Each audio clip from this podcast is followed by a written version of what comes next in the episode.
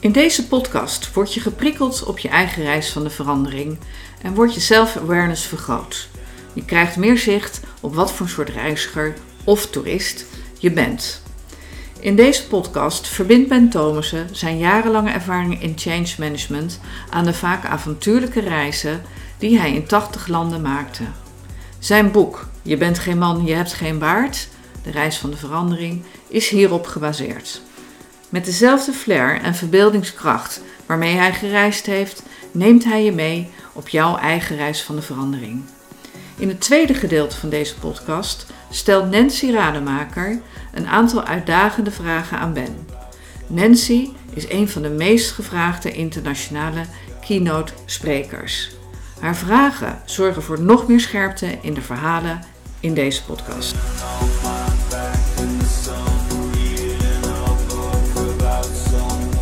Podcast 8. Als je je overgeeft aan de natuur, vind je antwoord op veel persoonlijke vragen. In 2009 maakte ik kennis met de Foundation for Natural Leadership, de FNL. Deze is opgericht tijdens een congres in 2004 door een aantal baasjes van grote bedrijven en ook Jane Goodall en prinses Irene waren daarbij. Zij kwamen tot de conclusie dat het enige echte leiderschap komt from inner nature. En daar raken we vaak ver vanaf, door macht, geld en allemaal gesodemieter. Soms moet je weer even terug naar je eigen natuur, met je dromen, je ambities, drijfveren en eigenheden. En de natuur geeft antwoord op vele vragen. Er worden trails georganiseerd in Afrika, in leiderschapstrails. Dat wil ik ook. En ik ga ook. Eerst heb ik een oriënterend gesprek met een van de medeoprichters van de FNL. Hij heeft bij grote internationale bedrijven gewerkt en is een echte alpinist. De eerste Nederlander ook die 40 bergen van 4500 meter heeft verklommen. Hij verleidt mij om mee te gaan naar de Drakensbergen in Zuid-Afrika. En daar is overigens niet veel voor nodig, want ik popel om dit avontuur aan te gaan. In 2010 maak ik mijn eerste trail. We zijn met z'n achter. Een blanke gids, zwarte gids, facilitator en wij, zeven Nederlandse mannen. Op de eerste dag van ons vertrek moeten we alle gadgets die we bij ons hebben inleveren. iPad, iPods, telefoons, maar ook horloges. Want in ons dagelijks leven is tijd belangrijk en nu niet. Op onze rug dragen we alles mee wat we deze week wel nodig hebben. Slaapzak, matje, kleren en eten. Want we overnachten op plekken onderweg in de open lucht.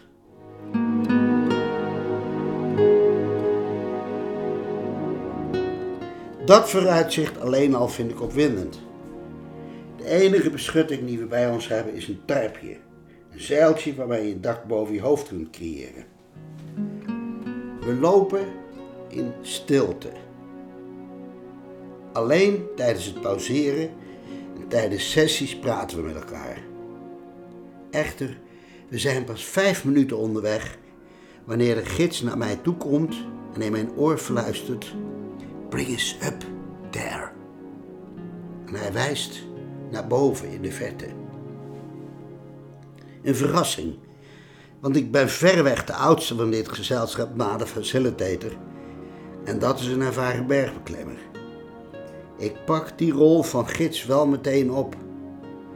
Later zal de gids ook mijn metgezellen vragen een tijdje die gidsrol op zich te nemen. Ik heb weliswaar een goede conditie, maar vond het vooraf best spannend of ik wel voldoende kon meekomen met de anderen. In gestaag tempo leid ik de groep naar boven. Het is een pittig traject, maar het gaat me goed af.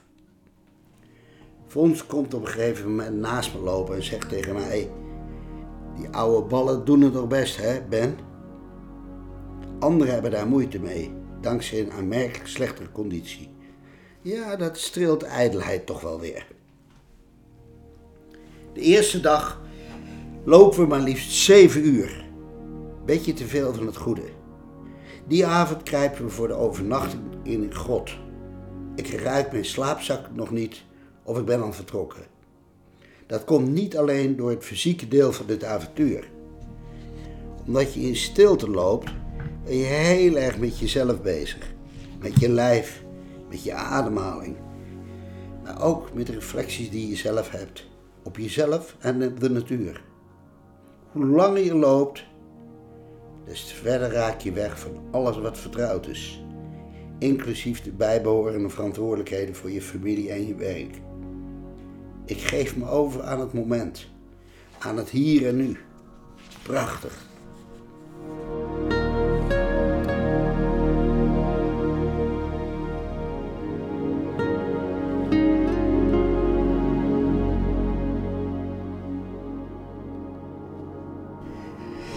In de pauzes eten we wat. We drinken wat. De maaltijden zijn sober.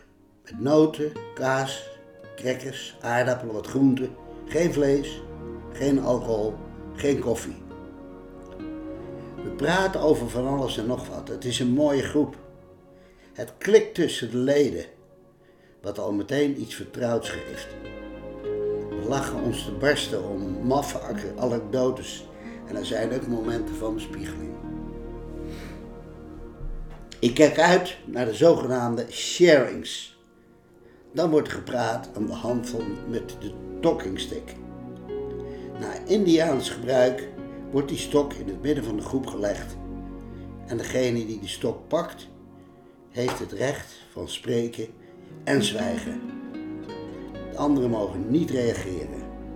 Het enige geluid dat is toegestaan is de Indiaanse kreet joh, waarmee je aangeeft dat je het eens bent met de spreker of dat je raak bent met zijn verhaal. Het jongetje in mij vindt dat meteen leuk. Ik zit daar nog gretig joh te roepen. Anderen vinden het maar een mal gedoe. We hebben allemaal een Moleskine boekje bij, met een pen bij ons, waarin we aantekeningen kunnen maken. Ik kom niet alleen ogen tekort om het landschap in me op te nemen. Ik maak ook veel foto's van de overweldigende natuur. Dus ik loop anderhalf keer zoveel dan de rest. Naar boven, naar beneden. Een eind vooruit, weer terug. Ik leg schitterende rotstekeningen vast. In eindeloze vlakte, prachtige vergezichten, steile rotswanden. Adembenemend mooi. Maar er is meer. Een van de bijzondere onderdelen van deze trail is de Vision Quest. Ook dat is een ritueel gebaseerd op een Indiaanse traditie, waarbij jonge Indianen op de drempel van volwassenwording de bergen in worden gestuurd met een bepaalde vraag.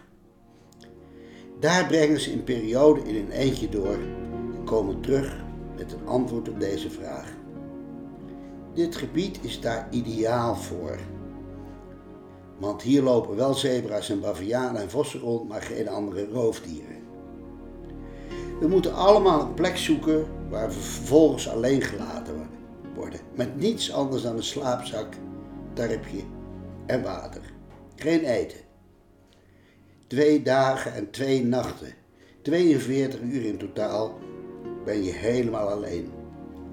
Gidsen komen af en toe alleen maar even kijken om alles wat goed gaat, maar houden zich onzichtbaar.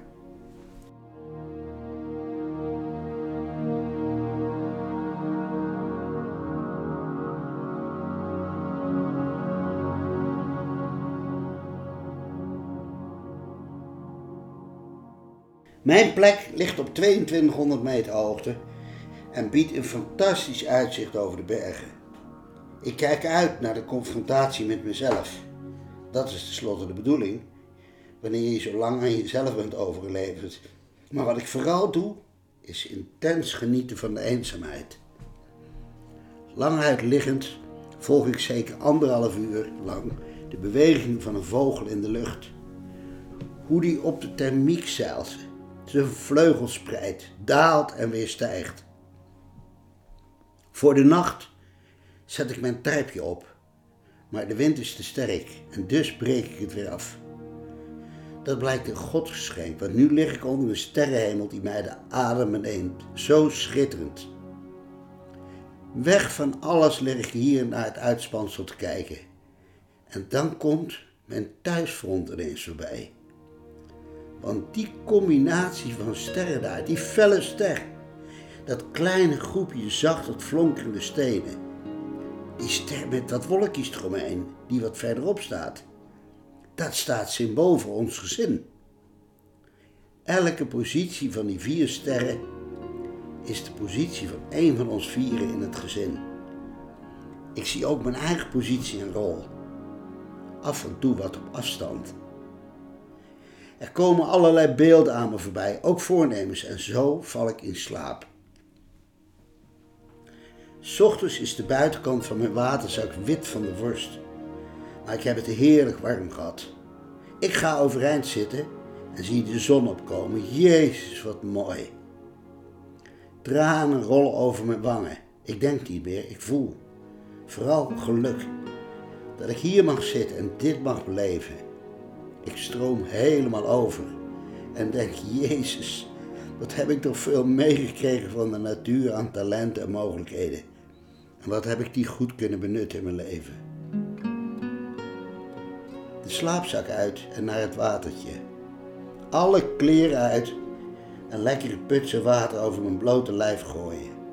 Dit moment, daar moet ik maar eens een foto van laten maken. Ik spreid mijn armen met mijn rug decent naar de camera toe, dat dan wel weer. En Jan Ernst maakt een foto. Hier staat Ben Thomassen en hij is gelukkig. Na de volgende zonsopgang moet ik opbreken, want de afspraak is dat we elkaar weer treffen op een bepaalde plek. Geheel vervuld kom ik bij de anderen aan. Het is een bijzonder weerzien. Niet iedereen heeft genoten van deze langdurige solo. Sommigen zitten niet helemaal goed in hun vel en dat komt er tijdens een solo wel heel hard uit. Dat blijkt tijdens de sharing die we nu hebben. Er komt nogal wat emotie vrij. Allerlei dichtgestopte laadjes gaan open. Door de overgave zijn er weinig geheimen meer voor elkaar. Na de trail delen we met elkaar hoe je de ervaring van de trail gaat toepassen op de vier P's. Privé, persoonlijk, professioneel en in relatie tot de planeet.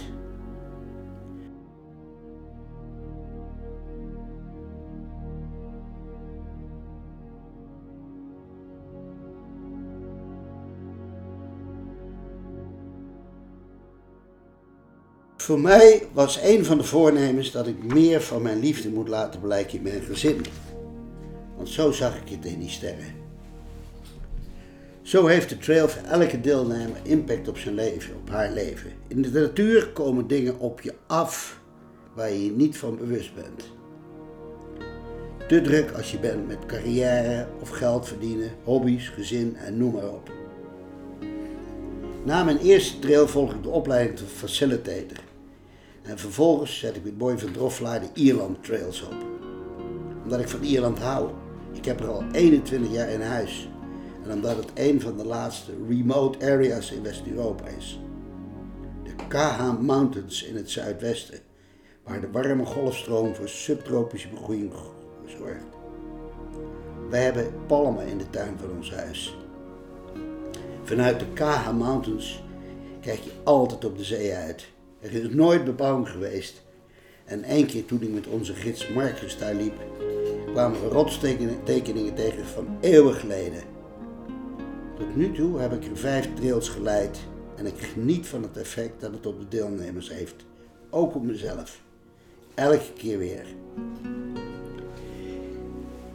In 2016 organiseert de FNL de eerste reunietrail voor mensen die de afgelopen tien jaar mee zijn geweest. Het spectaculaire doel is de maan Kenia. 5000 meter hoog. Er gaan 20 mannen mee, onder wie ik. We gaan met 40 dragers en drie gidsen. 40 dragers? Ja, dat lijkt mij nogal overdreven veel. Maar wanneer ik dat met eigen ogen zie, snap ik het. Elke drager heeft 20 kilo op zijn nek. Met lichte en zware kleding, schoenen, eten, brandstof, keukenrij, tenten. Er zijn alleen al 10 dragers nodig die voor zichzelf en hun collega's eten en tenten mee moeten nemen. Wij zelf dragen ze een 8 tot 10 kilo bagage met eten en water, fruithapjes en wat eigen spullen. Ik heb zoals altijd een camelback in mijn rug met 2 liter water en natuurlijk mijn camera en toebehoren. De dragers zien we overdag meestal niet meer terug. Die gaan vooruit om de successievele kampelen op te richten. Die gasten lopen als gremzen de berg op. Ons gezelschap wordt in drieën gesplitst.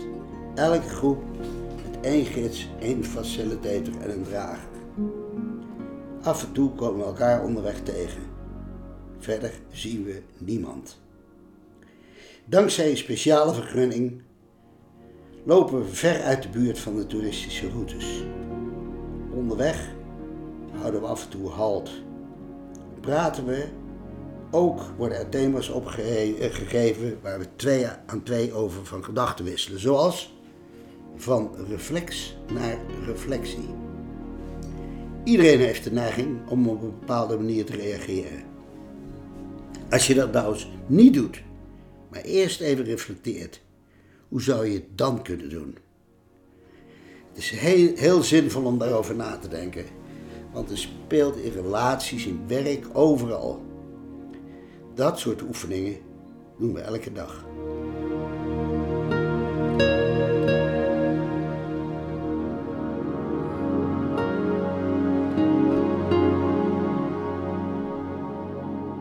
In vijf dagen ontstaat een hechte band tussen de deelnemers en wegens enorm succes is er in 2017 een tweede reunietrail. Deze gaat naar de Mount Toubkal in Marokko. Weer hebben 20 mensen zich aangemeld. 13 van vorig jaar en 7 nieuwe. Geen dragers ditmaal, maar muildieren. Dit doet mijn jongste dochter uitroepen. Oh, wat zielig voor die beestjes. Mijn reactie. Vorig jaar waren het zwarte mannen en daar heb ik je toen niet over gehoord. Zij, dat is heel anders. Die doen het vrijwillig en die kunnen zeggen: Ik heb er genoeg van. Die beesten hebben geen keus. Ze heeft wel een punt. Hoe het ook zij, deze trail is een stuk zwaarder dan die vorig jaar, van vorig jaar. Toepkal is niet zo hoog als de Mount Kenia, slechts 4200 meter.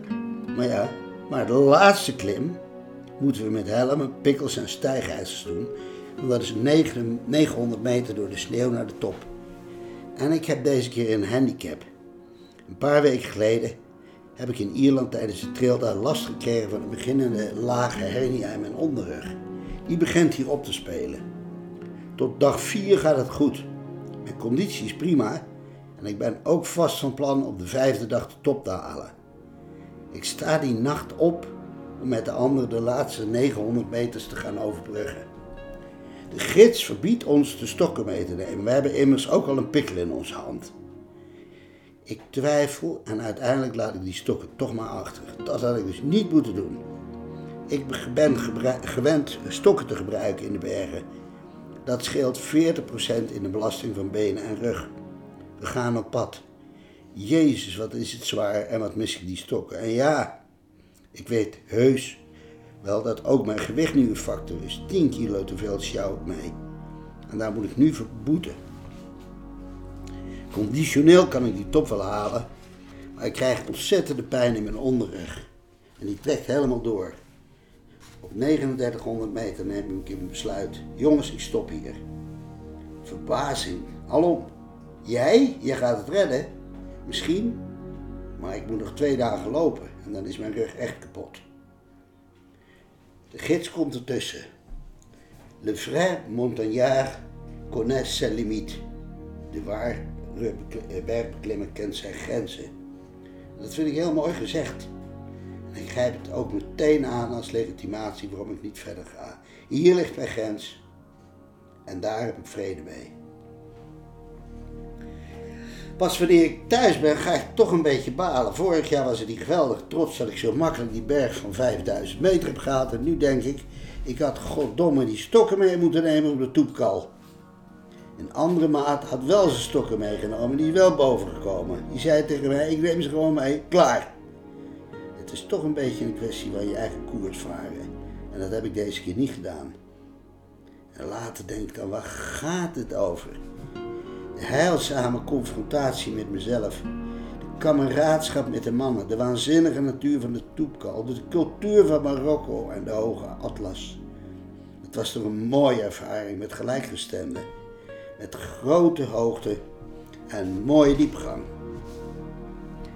Twee jaar geleden deden we met dezelfde groep een mooie trail in Noorwegen. 350 kilometer boven de Poolcirkel, bij Tromsø. Op sneeuwschoenen en skis.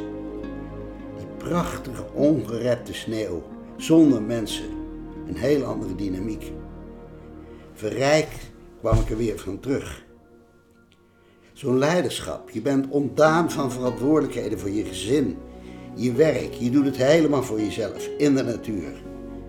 Wat is dat toch heilzaam? En een noodzakelijke doorsmeer- en diagnosebeurt voor jezelf. Dankjewel.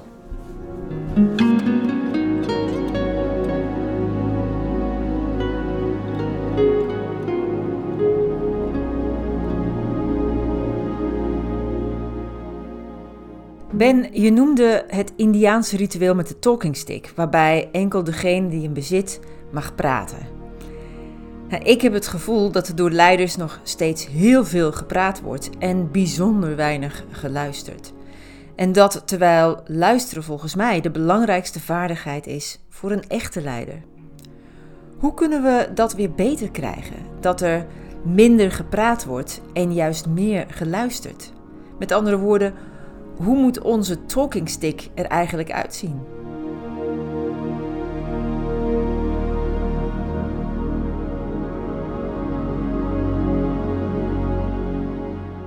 Nancy, luisteren moet je nooit voor een ander doen, maar vooral voor jezelf. Luisteren kan overigens verschillende functies hebben. 1. Je geeft een ander het gevoel dat hij of zij ertoe doet. 2. Verrijkt je eigen inzicht in het onderwerp. En 3. Het geeft inzicht in de motieven, drijfveren en denkwijzen van je collega's. Maar als bestuurder directeur of manager moet het hardop denken wel op waarde worden geschat. Ik hoorde een bestuurder tegen zijn team zeggen: Waar ik zo van baal is het volgende. Jullie vragen wat ik ergens van vind. Ik geef dan mijn mening en dan gaan jullie het precies zo doen. Dat is dus precies wat ik niet wil.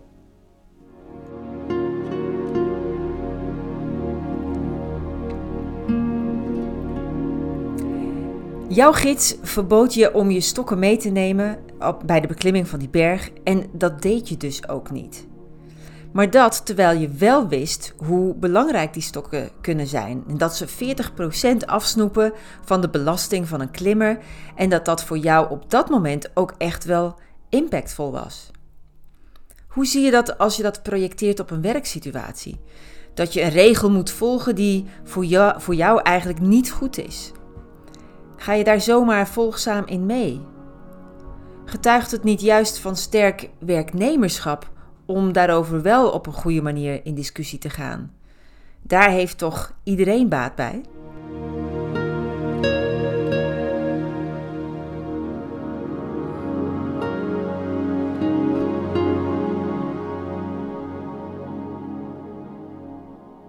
Goed werknemerschap, ja, dat is wel een leuke term die je gebruikt, Nancy. Dat vraagt op de eerste plaats, volgens mij, om inzicht in wat goed is voor jezelf en wat niet. Wat is je grootste energielek? En waar krijg je energie van? Je leidinggevende zou dat vervolgens ook moeten weten. Communiceren jullie eigenlijk daarover met elkaar? Waarom vertonen veel mensen echter his master's voice gedrag? Je gaat je leidinggevende naar de mond praten. Culturen van organisaties zijn sterke mechanismen en ze slokken je op voordat je er eigen hebt. Ik zie overal prachtige beschrijvingen van functies die men zoekt voor organisaties. Men zoekt mensen met lef, creativiteit, innovatief agile, wendbaar, etc. Terwijl eigenlijk de cultuur van de organisatie of de mensen daarboven in de lijn niet ontvankelijk zijn voor deze eigenschappen.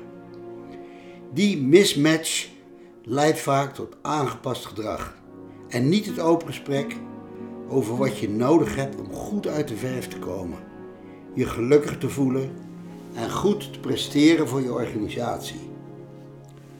Veel jonge mensen hebben geen zin meer hun eigenheid te verliezen en verdwijnen dan helaas weer.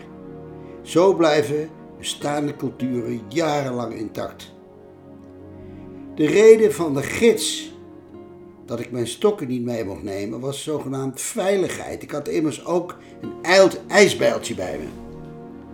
Ik had toen zelf een andere keus moeten maken en liet me overbluffen door de zogenaamde deskundigheid van de gids daar. Ik had het er minstens over moeten hebben met hem.